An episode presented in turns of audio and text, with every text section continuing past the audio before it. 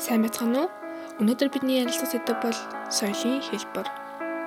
Соёл гэж юу вэ? Соёл гэдэг үг нь колер гэх латин үгнээс гаралтай бөгөөд соёл улам боловсруулах, хөрс боловсруулах гэсэн утгатай нэр том юм аа. Соёл нь тун олон талтай нарийн төвхтөө үзэгдэл тул түүнийг тодорхойлгож бас амаргүй. Соёлын асуудлыг судлаач эрдэмтдийн тоцоосноор идэвхтэй соёлын тодорхойлолт нь 400 гаруй байдаг юм шүү. Хүн байгалыг уйггүй хөлмөрийнхөө үнээр өөрчилж хоёр дахь байгаль буюу соёлын орон зай бүтээсэн. Харин хүний олд амжилтын төгсөлбөр болсон энэхүү соёл судлал нь 20 дугаар зууны ихэнх үеэс л бие даасан шилэх ухаан болон хөгжсөн юм. Соёлыг янз бүрийн шалгуураар үнэлж болно. Үүний учир нь нийгмийн субъектуудын үзэл, үйлдэл, ахуй орчин зөвхөн нэг шалгуураар илэрхийлэх боломжгүйтэй холбоотой юм. Иймээс соёлын ямар хэлбэрүүд байдаг вэ? Хэрхэн хуваадаг вэ? Ямар шалгууртай вэ гэдэг асуулт гарч ирж байгаа. Тэгвэл соёлыг хэвтэй ба босоо чиглэлд хоёр ангилдаг. Соёлын босоо чиглэл дэх ангил нь соёлыг шаталсан байдлаар авч үздэг. Нийгэм өөрөө олон янзын давхраа болон нийгмийн бүлгүүдэд хуваагддаг. Түүн шиг соёл нь хүртэл олон төрлийн давхраа хүрээнээс бүрддэг. Ийм английн хүрээнд хэн соёлыг бүтээж байна вэ гэдгээс хамааран нийгмээс удаач соёлыг гурван төвшөнд хуваасан байдаг. Нэгт нь элитийн соёл. Нийгмийн цонх буюу дээд давхраа болон язгууртан элит, эрх амтай, хангалуун хэсгийн төлөөлөгчдөд зориулагдсан бөгөөд тэдний захиргаагаар мэрэгжлийн хүмүүс бий болгосон соёл. Хоёрт нь ардын соёл. Түүнийг хин хизээ бүтээсэн тодорхойг байдаг. Гуравт нь нийтийн соёл. Нийгмийн бүхий л давхаргаанд хүртээмжтэй олон нийтэд зориулагдсан соёл.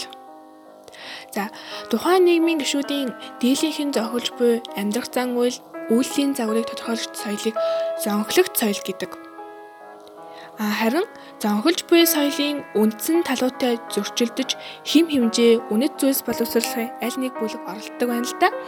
А ийм хим хэмжээ үнэт үнлэмжийн үндсэн дээр төлөвшөж зонхолж буй соёлтой зөрчилдөж байдаг соёлыг сөрөг соёл гэдэг.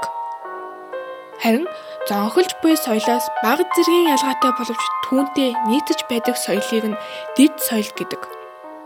Дэд соёлыг нь болох дээр үндэсний, шашны, мэрэгжлийн гэж гурван ангилдаг юм байна л да. Тухайн улс орон дох хүмүүсийн нийтлэг ихтгэл үнэмшил, бэлэгдэл, зан үйлийн хэв загварт үнэт зүйлс хим хэмжээг тодорхойлж байдаг соёлыг үндэсний соёл гэдэг. Хил угсаатны хувьд нэгдмэл төрд нэг л үндэсний соёл гэдэг. Харин сашны соёл гэдэг нь болох дээр сүсэг бишрлийн нийтлэг байдалд тулгуурлагдсан үүсдэг сүсэг бишрэлийн нийтлэг байдлаас улбаалan хүмүүсийн бэлэгдэл үнэт зүйлс ирмэллэн нэг байдаг байна. Мөн мэрэгжлийн соёл гэдэг. Аа мэрэгжлийн соёл нь аль нэг бүлэгт хуваагдсан нийтлэг зан төрхийн бэлэгдэмдэг үнэт зүйлс хим хэмжээний үндсэн дээр бүрэлддэг бөгөөд энэ нь ажил хөдөлмөртөө салшгүй холбоотой ба түүний төлөөлөгчтэй нийгэмд голлох үүрэг гүйцэтгэдэг байна. За соёлыг хэвтэй буюу өргөжин тал хандлагаар нь авч үзвэл соёлын байж болох макро орон зайд түүний эзлэх байр суурь зэргийг харгалзан таван хэм маягт хуваадаг. Нэгдүгээрт нь иргэншлийн байр сууриас нь авч үзвэл нийгмийн хамгийн өндөр хүрээнд соёлын өргөжлийг онцлог болон тодорхой үе шатуудыг харгалзах үндсэн дээр олон угсаатны болон үндэсний соёлын хэмжүүрийг ангилсныг хэлдэг. Хоёрт нь бүс нутгийн хэв маягийн соёл. Ийм соёл нь янз бүрийн нийгэм, байгалийн болон газар нутгийн нөхцөлцөн оюун ухааны ертөнцид хамаардаг. За гуравт нь болох дээр угсаатны хэв маягийн соёл. Аж үйлдвэрчгээс өмнөх үеийн аль нэг ард түмний соёл хэрхэн яаж төлөвшөж тогтсныг тодорхой нийтлэгийн юм уу төрийн хамгаалалт бүхий газар дэвсгэрийн хүрээнд хамааруулан авч үздэг. Дөрөвт нь үндэсний хэв маягийн соёлоо. Хөгжлийн харьцангуй сүүлийн үе шат буюу Ади үйлдвэрсэн нийгэм төлөвшин тогтдог төрийн болон газар нутгийн тэрчлэн улс төр эдийн засгийн хамаарал бүхий нийтлэгийн соёл юм аа. Тавт нь орон нутгийн хэв маягийн соёл. Тодорхой газар нутагт мэдээлэл солилцох хүрээнд харилцан аж төрдөг хүмүүсийн соёл. За энэ бүгдийг нэгтгэн үзэх юм бол үндсэндээ соёлыг төвшнгөөр нь элитийн, ардын, нийтийн хэмээн гурван хэлбэртэй байд юм байна. Харин соёлыг төрлүүдээр нь зонхлогт соёл, сөрөг соёл, дэд соёл гэж гурав хуваадаг бөгөөд дэд соёлыг дотор нь үндэсний, шашны, мэрэгжлийн хэмээж мөн гурав хуваадаг юм байна.